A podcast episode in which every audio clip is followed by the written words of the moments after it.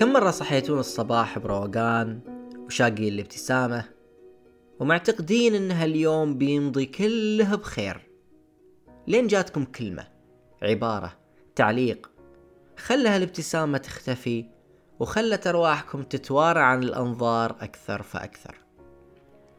تخيلوا لما تكون هذه الكلمات والعبارات والتعليقات موجهة لهويتكم لانتمائكم. للشي اللي تعتقدون إنه جزء لا يتجزأ من ذواتكم. وش ردة فعلكم وقتها؟ الانفعال الغضب الاعتداء أو التقوقع على الذات واختيار الانزواء في زاوية بعيدا عن هذا العالم المظلم. يا رب ما صدقتوني إني بخلي بودكاست فضفضة موسيقية. بس يعني لإحقاق الحق الكتاب اللي بتكون هذه الحلقة عنه كتاب الهويات القاتلة لأمين معلوف كتاب فضفضة لا أكثر. وبالعكس يمكن لو كان فيه موسيقى بالخلفية أثناء قراءتي إله كان ما حسيت أنه وقتي ضاع لهالدرجة. أدري أن هالكتاب يقدم نفسه على أنه دراسة متعمقة ومتبصرة في الهوية ولكن هذا زي لما أقول أني فنان في Call of Duty كل واحد فينا يقدر يسلك لنفسه ويطبطب عليها. والحقيقة أني أعطيت نفسي كم يوم بعد ما خلصت الكتاب وقبل ما أبدأ في كتابة نص الحلقة على أمل أن الحرة اللي بتبدي بتخف شوي للدرجة اللي تخليني أحاول أتكلم عن الكتابة بشكل رصين بغض النظر عن جرعة الحماقة المكثفة فيه. ولكن واضح أني فشلت قبل ما أبدأ حتى. ولذلك ما أزعم أن هذه الحلقة بتكون نقد. لا هذه الحلقة بتكون هجوم بتكون تهجم بتكون اللي بتسموه. وما أدعي بأي شكل من الأشكال أني قاعد أقدم نقد موضوعي ولا أني أحاول حتى أسويه كما لو أنه نقد منهجي رصين. الكتاب بالنسبة لي أتفه من أني أحاول أقدم قراءة حقيقية لاستنتاجاته وأسخف من أني أعطيه أكثر مما يستحق. هنا كتبيولوجي وأنا حسين إسماعيل.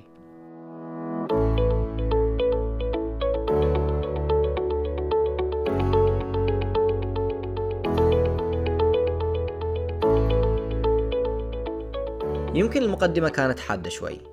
في ناس تحسس على طول من نعت إنتاج أحد اللي يعتبروه مفكرين بأنه إنتاج تافه وما إلى ذلك. غالبا هذا التحسس حاجة من ثنتين. الأولى أنه عشان أمين معلوف يعتبر مفكر وبالتالي فإنه في ناس تعتقد أنه من الضروري أنه نقده يكون هو الآخر نقد فكري ومنهجي ومدري وشو. وهذا شيء أرفضه تماما. إذا فيه شخص ينطلق مثلا في كلامه من سطحية الأرض وكيف أن العالم كله يعيش مؤامرة من ناسا ومدري ويش فأنا ما يحتاج أتناول كلامه بنقد ولا بتعمق ولا بأي حاجة. لا ما بني على باطل فهو باطل وما بني على تفاهة احتمال كبير يكون تفاهة. الحاجة الثانية أنه التحسس احتمال يكون على مستوى شخصي أكثر. يعني في ناس مثلا قرأت الهويات القاتلة أو يمكن قرأت أعماله الثانية زي روايات سمرقند أو التائهون أو كتاب الحروب الصليبية كما رآها العرب وانعجبت بالأعمال. فبالتالي بالنسبة لهم يكون نعت الهويات القاتلة بالتفاهة كما لو أنه هجوم شخصي عليهم هم أو على تفكيرهم أو ذائقتهم أو ما أشبه. وأتفهم هذا النوع من السخط. في النهاية كلنا نمر به ونحس فيه. لكن من باب الطبطبة شوي أقول أنه كلامي كله في هالحلقة بيكون عن الهويات القاتلة حصرا. ما قرأت أعمال أمين معلوف الثانية واحتمال كبير إني ما أقرأها. فما بسوي نفسي إني قاعد أقدم لمحة عن فكر أمين معلوف ولا إن المذكور في هذا الكتاب ينطبق بالضرورة على بقية الأعمال. لا لازم يكون فيه فصل مبدئي بكون الهويات القاتلة مستقل عن إبداع أمين معلوف في الروايات أو التحقيق التاريخي أو غيرها. وثانيا وهذا الأهم ما بسوي نفسي المدرك المتبصر اللي من أول ما قرأ الكتاب كان ملم بتفاصيله وعيوبه. لا أول مرة قريته قبل ست سنين استانست فيه بالعكس. يعني أذكر كان فيه كم حاجة مزعجة بس يعني ما خلصت الكتاب وأنا بهالحنق زي ما خلصت هالمرة. فاللي بيصير في هالحلقة هو إني بقدم قراءة شخصية عن اللي شفته في الهويات القاتلة في قراءتي الثانية له بعد ما بديت أتوسع بشكل أكبر في المواضيع اللي يتطرق إليها أمين معلوف في الكتاب. وبحكم إن اللي شفته في الكتاب في هذه القراءة ينضح بالتفاهة والحماقة والانبطاحية فيمكن فعلا يكون كلامي هجوم شخصي على البعض خصوصا اللي يشوفون إن في في الكتاب قيمة فكرية برغم إنهم يدعون إن ليهم باع كبير في قضايا الهوية والحداثة والدين. في هالحالة ما بيدي شيء ما عندي ترقيعة. قد يكون الإعجاب بالكتاب فعلا مؤشر على طريقة تفكير خطيرة ودلالة على أن المنعجب بفكر الكتاب يتقاسم ويا أمين معلوف جزء من الأسس الفكرية الحمقاء. وهو فعلا ما لها اسم ثاني أسس فكرية حمقاء. أسس مبنية على منطلقات مغلوطة ومعطوبة ومن شأنها أنها تؤدي لقراءة مغلوطة لكل شيء تحاول أنها تحلله وتقرأه وإحنا في النهاية مو قاعدين نتكلم عن واحد قاعد بديوانيته ويسولف في حاله أو واحد مغمور ما حط له خبر لا. قاعدين نتكلم عن واحد بداية 2020 تلقى جائزة على يد الرئيس الفرنسي إيمانويل ماكرون. نفس الرئيس اللي قاعد ينظر علينا اليوم عن اللي يسميه أزمة الإسلام وغيرها من خرابيطه يعني باختصار قاعدين نتكلم عن شخص له ثقله في مجال اشتغاله بحيث إنه يحصل على اعتراف من مؤسسات هي الأخرى إليها وزنها. ما إذا كان طرح أمين معلوف يمتلك علاقة بالفكر اللي تروجه قوى الاستعمار الثقافي خارج إطار هذه الحلقة تقريبا. يعني بأتكلم عن تشارك خطابه وخطاب الاستعمار الثقافي بعض المشتركات بس ما بأدخل في تفاصيل ما إذا كان للجائزة اللي تلقاها علاقة بأفكاره. ومن جانب آخر في نفس السياق أظن من اللائق التساؤل عن الجمهور اللي موجه له هذا الكتاب أساساً. الهويات القاتلة نشر أول مرة بالفرنسية عام 1998 وعندي كم اقتباس من الكتاب اللي أحس أنهم يدعمون مو بس فكرة أن الكتاب موجه لجمهور غربي بشكل رئيسي بل أني يرسخ أيضا العديد من القناعات الاستعمارية خصوصا فيما يتعلق بالتصورات عن الآخر اللي في هالحالة إحنا ننتمي إليه إحنا هذا الآخر. بعبارة ثانية أمين معلوف قاعد يعيد إنتاج بعض التصورات والتمثيلات الإشكالية في هذا الكتاب. وبالتالي فإن من حقنا ناخذ ونعطي في التمثيلات اللي يدعي أنه يمثلنا بها بطبيعة الحال. المهم يكفي حلطمة فاضية خلنا ندخل في صلب الموضوع في ثلاث نقاط أبغى أتكلم عنها. النقطة الأولى هي عن سذاجة مفهوم أمين معلوف للهوية وكيف أنه مبني على تصور تشييء إلى ماهيتها. النقطة الثانية تطرق لها أكثر من مرة في الحلقات اللي طافت واللي هي الخضوع للغرب أو اللي نقدر نسميه خضوع للتصور الغربي لحركة التاريخ وكيف إن هذا الخضوع يشوه حتى قراءة أمين معلوف للماضي بشكل عام. والنقطة الثالثة والأخيرة مبنية على هذا الخضوع واللي هي دعوة أمين معلوف المبطنة في الكتاب لتقبل الاستعمار الثقافي بوصفه تحضر وتطور وتقدم وكل حاجة هرائية. وقبل ما أبدأ أذكركم بإني كالعادة أستقبل ملاحظاتكم على كتبيولوجي Gmail dot com أو على حساب تويتر كتبيولوجي. واثنينهم موجودين بوصف الحلقة. ولا تنسون تقيمون البودكاست على آيتونز أو أي منصة ثانية تستخدموها وتكتبون مراجعتكم إن أمكن. الأرقام الإحصائيات مهما كانت دقتها ما يمكن إنها تغني عن آرائكم وانطباعاتكم المباشرة واللي تساهم في إخراج البودكاست بحل افضل سواء من ناحية المحتوى أو من ناحية الإنتاج والإخراج بشكل عام. وترى إذا كان في في الحلقة جوانب ما تعجبكم وما تقولوها إلي بكمل أسويها. أعتقد أن هناك تدرج في نظرتي.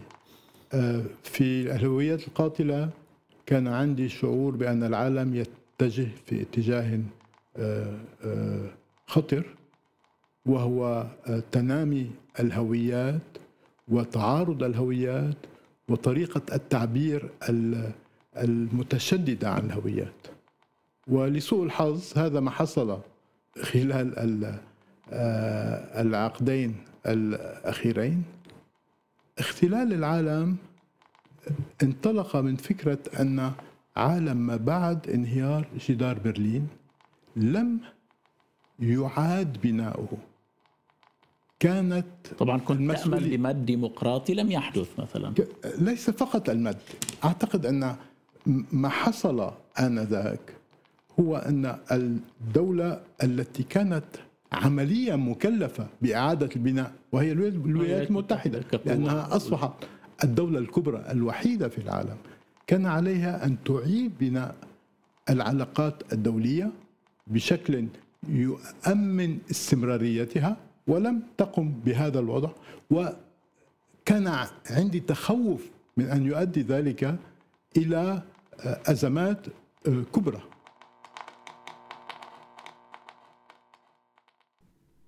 أولى صفحات الهويات القاتلة تبدو لطيفة. يقول فيها أمين معلوف بما معناه أنه ما في شيء اسمه هوية جوهرية في الفرد أو هوية وحيدة بل أن هوية كل واحد مؤلفة من مزيج فريد من هوياته وانتماءاته المتعددة. ويقول في صفحة 11 وأنا بأعتمد في الاقتباسات على الطبعة الثانية لترجمة نهلة بيضون المنشور عن دار الفارابي في داخل كل إنسان تلتقي انتماءات متعددة تتصارع فيما بينها وترغمه على القيام بخيارات مؤلمة. ويقول أيضا في صفحة 18 إن هويتي هي التي تعني أنني لا أشبه أي شخص آخر. ويقول في صفحة 20 ولا تكتسب كل هذه الانتماءات بدهيا الأهمية عينها ولا في اللحظة نفسها في مطلق الأحوال غير أن الانتماء منها يفتقر تماما إلى الأهمية. إنها العناصر المؤسسة للشخصية أو جينات الروح إذا ما صح التعبير. شرط التحديد بأن معظمها ليس فطريا. كلام حليو صح؟ إيه صح. ما في شيء في هذه الأفكار بحد ذاتها. وبالعكس يعني فعلا الهوية مفهوم أعقد من أن نحاول نختزله في مكون أو اثنين ومستحيل يتكرر مزيج هوياتنا في أي شخص ثاني. وين المشكلة عجل؟ المشكلة تكمن في أن أمين معلوف مو قاعد يستوعب أن هذه الهويات اللي تكوننا بحد ذاتها ما هي شيء ثابت إنها ما هي شيء مطلق. يعني من جانب قاعد يقول أن هوية كل واحد فينا معقدة جدا لأنها تتكون من مزيج هويات وهذا صحيح. لكنه في الوقت نفسه يشيء هذه الهويات ويتكلم عنها كما لو إنها أشياء ثابتة ومطلقة كما لو إنها تمتلك معاني محددة ومقررة في ذاتها. خلنا ناخذ نفس المثال اللي أو نفس الأمثلة اللي اخذها هو لما تكلم عن شاب مولود في فرنسا الابوين جزائريين يقول معلوف انه هالشاب يمتلك بدهيا أكثر من هويته الجزائرية والفرنسية ويضرب مثال على هذه الهويات بالتأثيرات الفرنسية والأوروبية والغربية وامتزاجها بالتأثيرات العربية والبربرية والأفريقية والإسلامية. زين؟ الصفحة اللي بعدها مباشرة يتكلم أيضا بمثال ثاني عن شخص مولود في بلغراد الأم صربية وأب كرواتي أو رجل أمريكي الأب أسود وأم يهودية. ومليون مرة في الكتاب لما يتكلم عن الهويات يطعم حديثه بالهويات الإثنية أو الدينية أو اللغوية أو القومية. فالإشكالية أن معلوف يتناول هذه الهويات كما لو أنها مفاهيم غير خاضعة أو متأثرة بالواقع. يعني لما يتكلم عن فرنسا أو الإسلام أو الغرب فهو قاعد ياخذها كما لو إنها مفاهيم لطالما كانت موجودة بشكل أو بآخر. كما لو أنها مفاهيم مطلقة ومتسامية على التاريخ وأنها تمتلك في ذاتها جوهر ومعنى معينين. فعلى سبيل المثال وبدون الخوض في تفاصيل ما نمطلع عليها تاريخيا بالشكل الكافي متى صرنا نقدر نتكلم عن هوية صربية أو هوية كرواتية متمايزين عن الهوية السلافية مثلا؟ أو متى صار اللون الأسود أو العرق الأسود بحد ذاته هوية؟ وش الظروف والسياقات اللي مكنت هذه الهويات إنها تتبلور بالشكل اللي أمين معلوف قاعد يتكلم عنه؟ مثال آخر من صفحة 55 يتكلم أمين معلوف عن اللي يسميه بؤر التوتر القديمة بين مثلا المهاجرين والسكان المحليين وبين الكاثوليكيين والبروتستانت وبين اليهود والعرب والليتوانيين والروس وغيرهم. هني خطر تشيء المفاهيم أوضح. على أي أساس نقول فيه بؤرة توتر قديمة بين المهاجرين والسكان المحليين؟ من هم هالمهاجرين وهالسكان المحليين؟ في سياق حديث أمين معلوف واضح أن الحديث عن المهاجرين والسكان المحليين دائما يكون حديث معاصر جدا. يعني يتكلم عن مهاجر جزائري لفرنسا أو مهاجر لبناني إلى مكان ثاني. طيب متى طلع شيء اسمه دولة الجزائر أصلا؟ بحيث قدرنا نتكلم عن مهاجر جزائري. متى طلعت شيء اسمها دولة فرنسا؟ ومتى صرنا نقدر نتكلم عن مهاجرين قبل ظهور الدولة الحديثة ومفاهيم المواطنة والحدود المرتبطة بها؟ لاحظوا إحنا ما قاعدين نتكلم عن الهجرة المعهودة اللي نقدر نقول إنها تكون غالبا على مستوى الأفراد أو القبائل الصغيرة. لا إحنا قاعدين نتكلم عن هجرة مرتبطة بشيء اسمه حدود دولية بشيء اسمه دول بشيء يعني اسمه هويات قومية ووطنية وغيرها. وفوق كل هذا لما يتكلم أمين معلوف عن المهاجرين والسكان المحليين فهو غالبا يتخيل الهجرة الاختيارية مو التهجير. وبالتالي لما يبني على مطلقية الهويات وشيئيتها وعلى ضيق المفاهيم اللي يستخدمها يطلع بحماقات زي اللي في صفحة 59 لما يقول أن الاستجابة الغريزية الأولى هي أن معظم المهاجرين يحلمون سرا بأن يعتقد الآخرون أنهم من أبناء البلد وتكمن رغبتهم الأساسية في محاكاة أبناء المجتمع الذين وفدوا إليه. على أي أساس يفسر أمين معلوف انبطاحيته ورغباته الشخصية كما لو أنها تمثل غرائز معظم المهاجرين؟ هناك اللي هجر قسرا اللي يحلم في يوم من الأيام أن الأوضاع في مسقط رأسه تمكنه من أنه يرجع ويستقر. على أي أساس يختزل أمين معلوف الهجرة بهذا الشكل؟ أنها لازم تكون مبنية على هجرة يعني خلينا نقول اختيارية ورغبة في الاندماج في المجتمع اللي الواحد يهاجر إليه. ونفس الشيء ينطبق على استخدامه للممايزة بين الكاثوليكيين والبروتستانت أو اللي يسميه بؤر التوتر بين اليهود والعرب.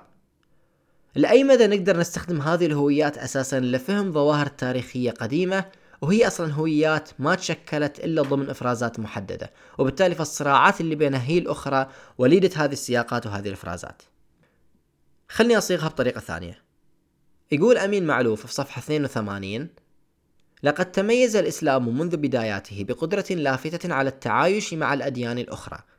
ففي أواخر القرن الماضي كانت إسطنبول عاصمة الدولة الإسلامية العظمى تضم أغلبية من غير المسلمين جلهم من اليونان والأرمن واليهود شفتون المغالطات في هالعبارة؟ يتكلم أمين معروف عن بدايات الإسلام صح؟ يقول لقد تميز الإسلام منذ بداياته زين وش المثال اللي يطرحه؟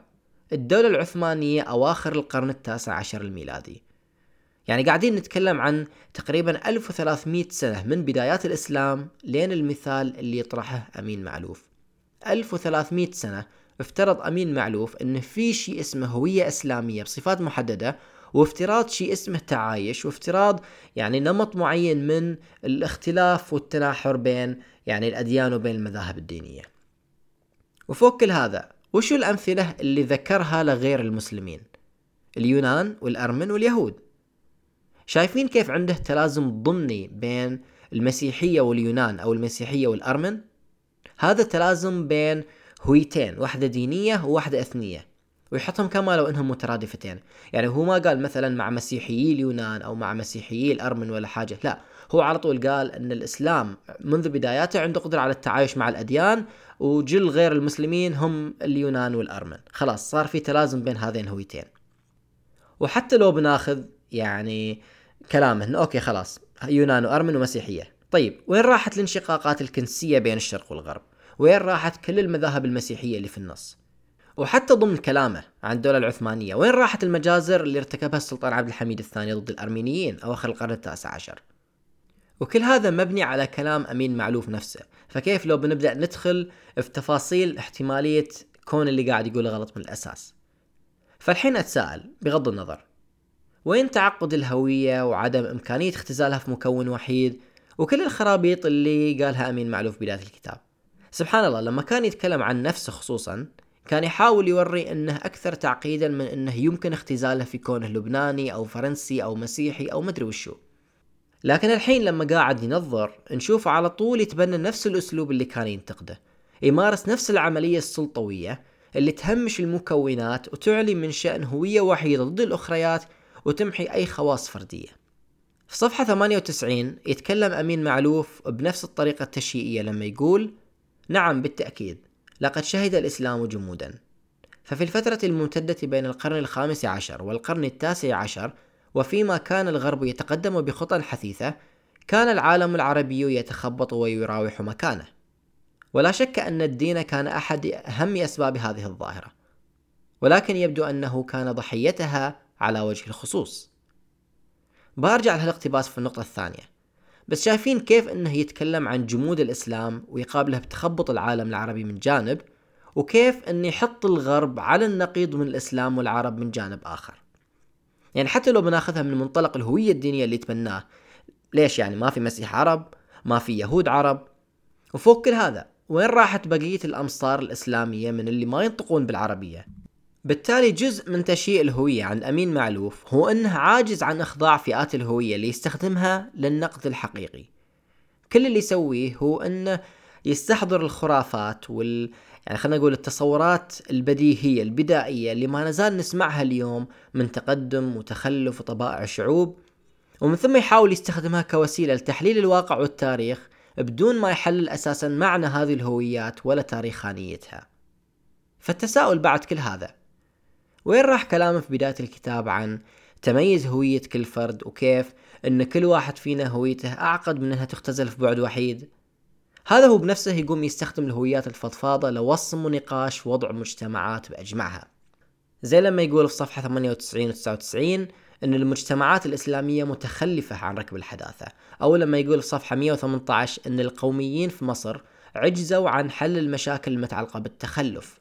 أو لما يتكلم في صفحة 173 بكل تفاهة وحماقة عن انزعاجه من ردة فعل اللي يسميهم ضحايا الغرب لأنهم قرروا يتبنون هويات يتقوقعون بها على أنفسهم ويمتنعون بها عن الإسهام في الحضارة العالمية الناشئة. سمعتون يا المجتمعات اللي دمرها ونهبها وهيمن عليها الاستعمار؟ أمين معلوف منزعج من ردة فعلكم تجاه هذه القوة اللي دمرتكم. ويقول لكم ترى أوروبا الحقيقية حديثة وكول ولازم تصيرون زيها. معلوف في كل هذه الأمثلة قاعد ينطلق من مفاهيم محددة للهويات ويفرضها ويقررها على شعوب كاملة بدون أدنى اعتبار حتى للتعقيد اللي ذكره هو بنفسه في بداية الكتاب. ناهيكم عن تجاهله الشبه تام لكل الإفرازات السياسية الكامنة في تقرير وتوصيف الهويات من أساسها. وناهيكم أيضا عن أنه مو عارف حتى يتناول إشكالية الهوية بين كون هالشيء يعبر بها الفرد عن نفسه وبين كون هالشيء مفروض عليه أو شيء مترتبة عليه عواقب خارجة عن قدرة الفرد من الأساس. أظن هالنقطة تحديدا مدخل مناسب للنقطة الثانية عن خضوع أمين معلوف للتصورات الغربية عن حركة التاريخ بس قبل ما ننتقل فاصل إعلاني قصير. كثير منا يواجه ضغوطات ممكن تكون في العمل أو في البيت وعشان نهرب منها وما نواجهها نأجل أي شيء ممكن يساعدنا نحلها.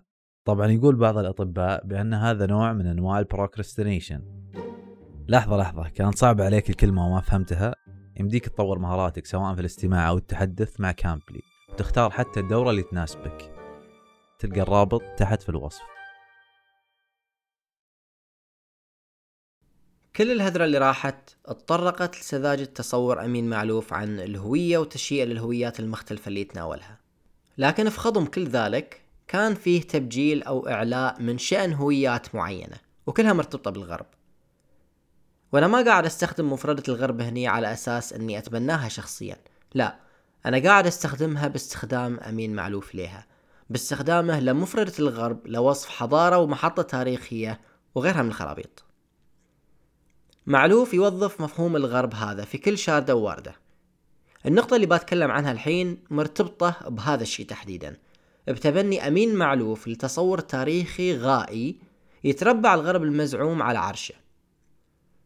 في ثلاث اقتباسات في صفحات متقاربة أحس إنها توضح اللي يعني تحملوا فصحتي شوي.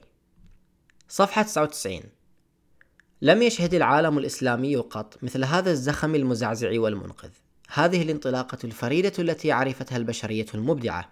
هذه الثورة الكاملة العلمية والتكنولوجية والفكرية والأخلاقية. هذا النحت الدؤوب بواسطة الإزميل الذي قامت به شعوب في طور التحول راحت تخترع وتجدد كل يوم. وتعمل بلا هوادة على زعزعة الحقائق وتغيير الذهنيات. وهذا ليس بحدث من ضمن أحداث أخرى بل حدث فريد في التاريخ لأنه الحدث المؤسس للعالم كما نعرفه اليوم وقد حصل في الغرب في الغرب وليس في مكان آخر. صفحة 101 ولكن هذا ليس أهم ما في هذا التشبيه بل البقية. فالأمر لا يتعلق بمعرفة السبب الذي لم يجعل حضارة الأزتك أو الحضارة الإسلامية أو الصينية الحضارة المتفوقة فكل حضارة تعاني من مواطن ضعف ومعوقات وسوء طالع. بل يتعلق بمعرفة ما يلي. لماذا وعندما تفوقت الحضارة الأوروبية المسيحية راحت الحضارات الأخرى كلها تميل للأفول؟ لماذا تهمشت كلها بصورة تبدو اليوم نهائية؟ لا شك وهذا مجرد بداية الإجابة لأن البشرية أصبحت تملك الوسائل التقنية للسيطرة على العالم. ولكن لندع جانبا كلمة سيطرة ولنقل بالأحرى أن البشرية كانت قد نضجت لبروز حضارة عالمية صعبة قوية. لقد كانت البويضة جاهزة للتخصيب وقد قامت أوروبا بتخصيبها. طبعا صعبة قوية إضافة من عندي. معليش يعني أدري أمين معلوف سخيف بس ما وصل هالسخافة المهم آخر اقتباس صفحة 102 منذ 500 عام كل ما يؤثر تأثيرا مستديما في أفكار البشر أو صحتهم أو بيئتهم أو حياتهم اليومية هو من صنع الغرب. بلا بلا بلا أينما كنا نعيش على هذا الكوكب كل تحديث هو تغريب. وهي نزعة تقوم التطورات التقنية بالتشديد عليها وتسريع عجلتها.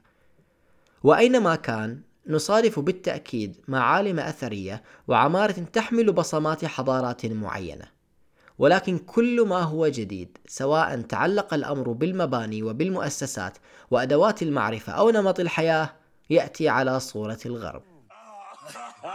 لحظة. سأضحك قليلا أيضا أنا. كل ما أتأمل في هالاقتباسات أحتار. أي واحد فيهم الأغبى. ولا هل لازم أضيف الاقتباس من صفحة 100 واللي يقول فيه أمين معلوف؟ في أي حقبة أصبحت هيمنة الحضارة الغربية حتمية ونهائية عن حق؟ اعتبارا من القرن الخامس عشر ليس قبل القرن الثامن عشر ولكن لا أهمية لذلك من وجهة النظر التي هي وجهة نظر اليوم.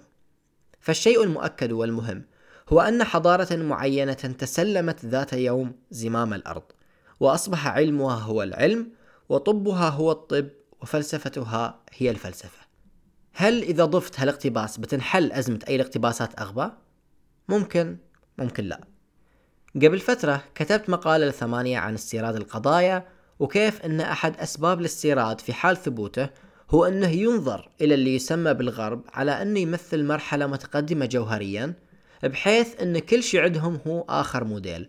جوالات، سيارات، تعليم، فلسفة، مؤسسات دولة، أفكار وغيرها. يعني يعتبر كل شيء موجود عندهم كما لو إنه مرحلة بنوصل لها وقت ما سلكنا درب الحداثة وقت ما اتبعنا خطى المجتمعات المتحضرة والمتقدمة والصناعية والمدري وشو. اللي قاعد يقوله أمين معلوف هني في نفس السياق. هو أولا ينطلق من مسلمة هيمنة الغرب الشاملة علميا وتكنولوجيا وفكريا وأخلاقيا ومن ثم يعتمد هذه المسلمة كمنظور تاريخي حل الأحداث على ضوءه بحكم أن هذه المرحلة اللي يعتبرها هو هي مرحلة متفوقة. خلاص اكتسب التاريخ غاية وحركة وكل اللي علينا إن إحنا نتبع هذه الحركة بمضامينها في الماضي. فيصير كل حدث أو يعني كل حدث يكتسب أهميته من ارتباطه بهذا المنظور سواء ايجابا أو سلبا. وأي شيء ما يبدو أنه مرتبط بصعود الحضارة الغربية فهو غير مهم تاريخيا. ولهذا مو مستغرب لما نقرأ أمين معلوف يتكلم عن بداية الإسلام عن طريق غزو على يد هؤلاء البدو الذين عاشوا حتى ذلك الحين على هامش التاريخ زي ما قال صفحة 79 أو لما قال عن سبب جمود العالم العربي لأن المجتمع نفسه لم يواكب الحداثة أو في صفحة 110 ولكن مصر لم تكن تتمتع بهذه العافية فقد كانت خارجة من سبات طويل جدا. أو أن الحلول الحقيقية تكون من خلال الديمقراطية الصحيحة والحداثة الحقيقية زي ما يقول صفحة 128 أو أن ما يخص بالذكر المجتمعات اللي ظلت من البداية بمنأى عن الحركات التاريخية الكبرى زي ما يقول في صفحة 180 هي كلمة ديمقراطية معناها ديمقراسي ديمقراسي. الدهماء على الكراسي. لما يجلس الدهماء. عامة الناس تجلس على الكراسي. هذه هي الديمقراطية. أما إذا لم يجلس أمين معلوف في كل هذه الأمثلة قاعد يتكلم عن هذا المنظور التاريخي الغربي نفسه. هو قاعد يكرس خرافة التقدم والتخلف ومعانيهم وقاعد يتبنى اللي نقدر نسميها فكرة التفشي واللي تخلي أمين معلوف يتخيل العالم كما لو أنه كان يتكون من جزر كانت معزولة عن بعضها البعض وفجأة برز الغرب المتحضر وخلى حضارته تتفشى وتوصل بقية أرجاء الكوكب ببعضها البعض في حدث تاريخي ما له نظير. لكن كل هذه الافتراضات مبنية على خرافة التقدم الغربي التدريجي الدؤوب. كلها مبنية على المسلمة الحمقاء بأن العالم كان عالم برابرة لين طلعت الحضارة الغربية المسيحية وطورته. أي واحد يقدر يطلع على التواريخ المتعددة اللي تحاول تستكشف مثلا مدى الاتصال بين مختلف المجتمعات قديما وجانيت أبو لغد عدها أبحاث مهمة في هذا الجانب أو التواريخ اللي تستكشف إشكاليات الثورة الصناعية وعلاقتها باللي يسميه بعض المؤرخين بالثورات الدؤوبة إن صح التعبير. ال industrious revolutions في قبال ال industrial revolution. أو حتى التواريخ اللي تحاول تفكك خطاب الحداثة وعلاقته بمختلف أنواع الاستعمار وكيف وظفت هذه المفاهيم في خدمة القوى الاستعمارية. وفريدريك كوبر واحد من اللي يعني عجبتني كتاباتهم فيما يتعلق مثلا بتوظيف مفاهيم مفاهيم العولمة آه، في يعني في السياق الأفريقي تحديدا. هالسرديات اللي روج لها أمين معلوف ما هي إلا انبطاح عباد الغرب بكل ما فيه، وهي أيضا احدى الوسائل اللي تستخدم اليوم في اخضاع الشعوب وسلبها أصواتها. ولذلك الحين لما بنتقل للنقطة الثالثة والدعوة أمين معلوف المبطنة لتقبل الاستعمار الثقافي بوصفه درب التطور فأنا قاعد أستحضر ترويجه لكل هذه الأفكار. ولهني أظن يكفي عن تصور أمين معلوف لحركة التاريخ ومنظوره الغربي.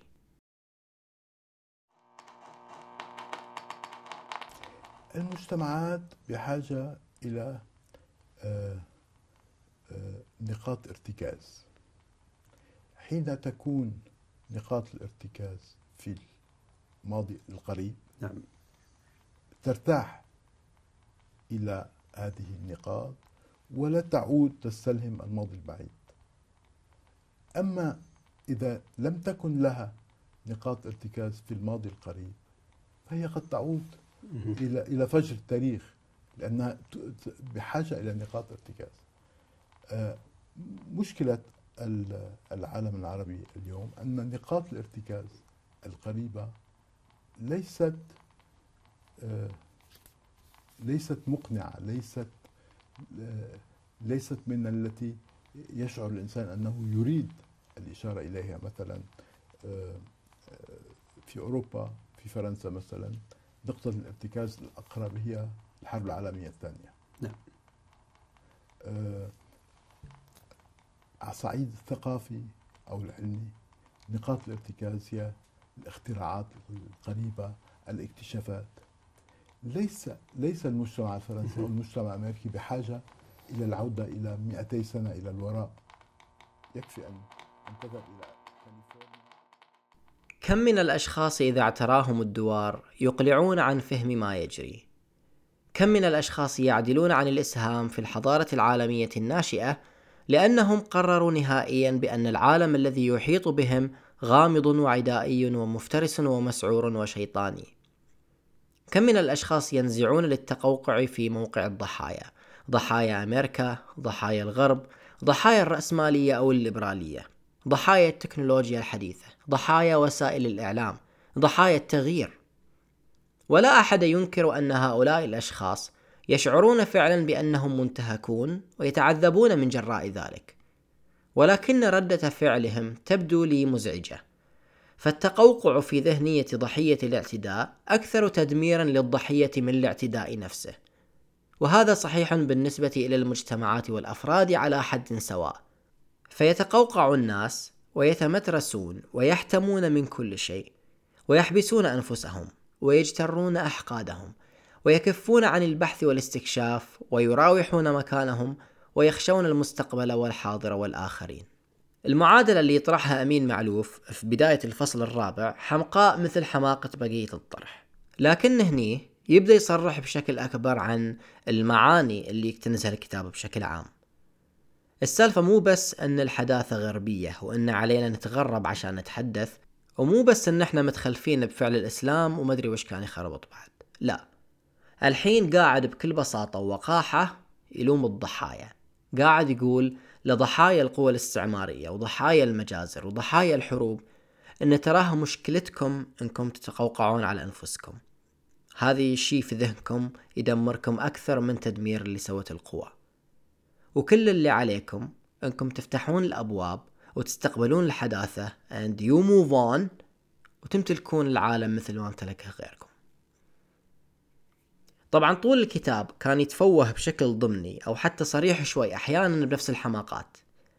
يسمي نفسه منظوره منظور المراقب المحايد ومن ثم يروح يخربط على كيفه. يعني تتكون عنده تصورات من قبيل أن الحداثة مرحلة تاريخية لازم كل الشعوب تمر فيها وأن المجتمعات الحديثة تمتلك ثقافة معينة هي اللي خلتها تصير بهالتحضر والتحدث.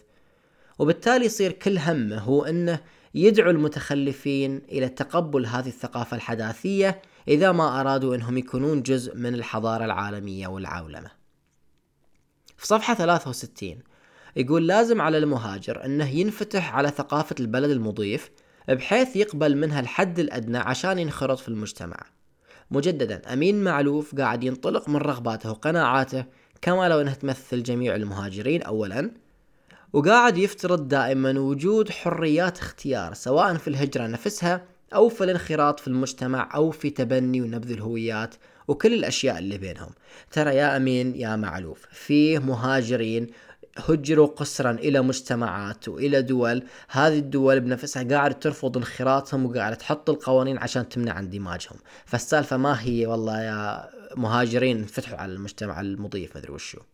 صفحة 64 إن الكلمة الجوهرية في هذا السياق أيضا هي التبادلية.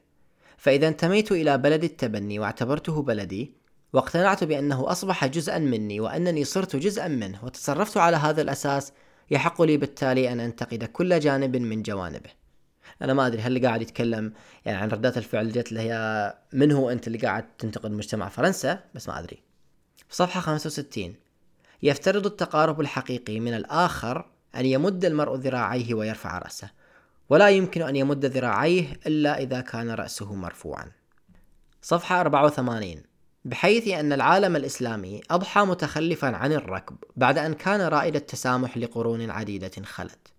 صفحة 93 وتتجلى المجتمعات الديناميكية في إسلام ديناميكي وتحديثي ومبدع في حين ترخي المجتمعات الجامدة بوطأتها على الإسلام الذي يصبح متحجرا ورافضا لأي تغيير.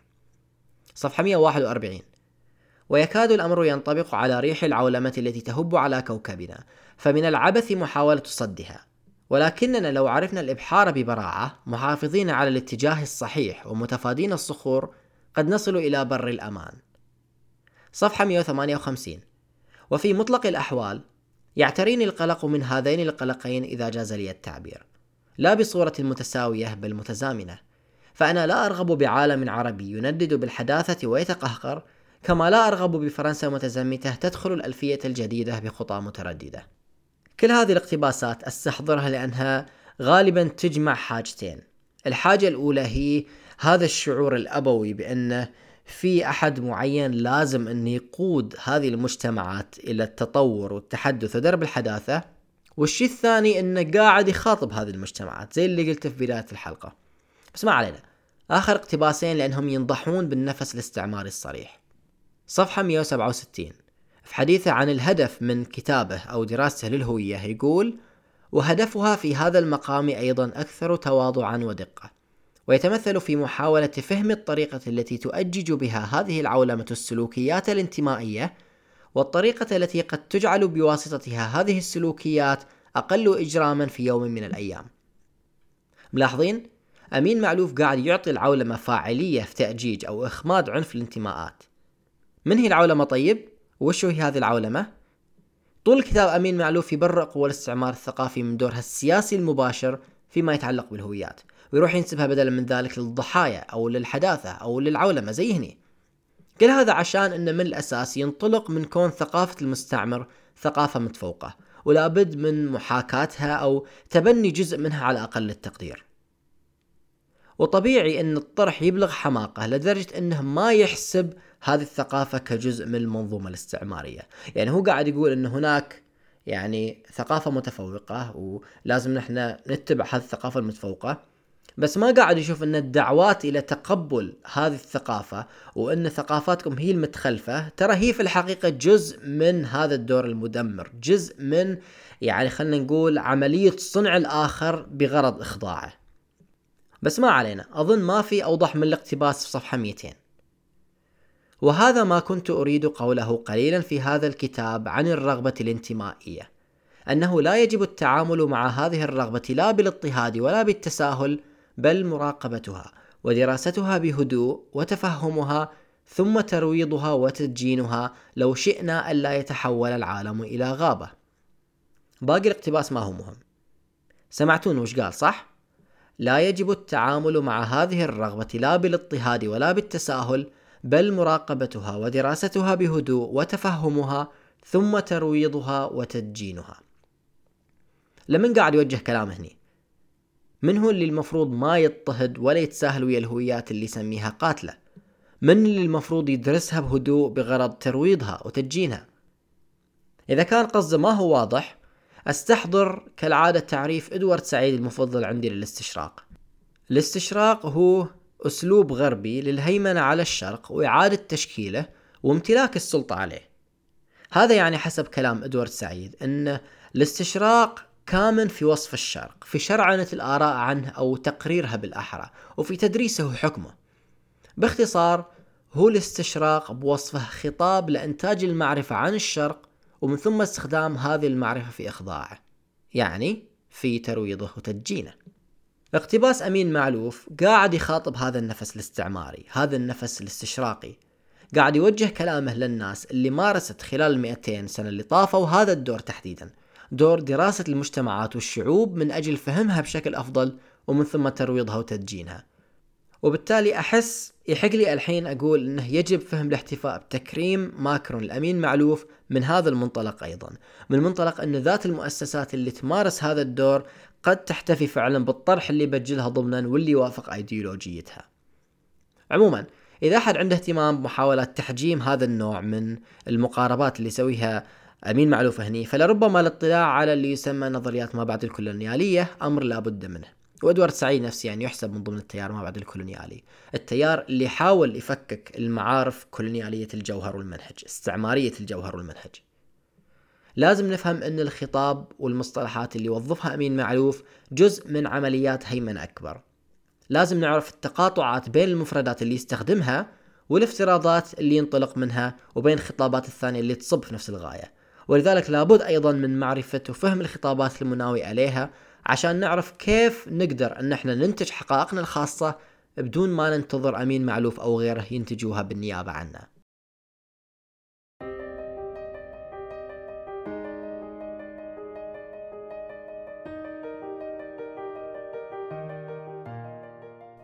يقول أمين معلوف نهاية الكتاب كدت أن أضع لهذه الدراسة عنوانا مزدوجا الهويات القاتلة أو ما السبيل لترويض الفهد. أنا اقترح عنوان مزدوج ثاني الهويات المقتولة أو ما السبيل للانسلاخ الذليل. صار سجع والله وأنا ما أدري. المهم أتمنى أن هذا الاستعراض كفيل بأن يوري بعض الأسس الحمقاء اللي ينطلق منها الكتاب والنتائج أو الاستنتاجات الخطيرة اللي قد تؤدي إليها هذه الأسس. أمين معلوف بدأ بالهياط بنفسه ومحاولة تبيان أن هويته أعقد من أنها تختزل في بعد أو بعدين. لكنه وقع في ذات المحظورات اللي كان يدعي انتقادها بداية الكتاب لما قاعد يتكلم بأسلوب فوقي وانبطاحي وأبوي عن الإسلام والتخلف والغرب والحداثة وغيرها من المفاهيم والمصطلحات اللي ما هو فاهمها فعلا. هذا كل اللي بغيت أقوله في هذه الحلقة وشكرا لاستماعكم.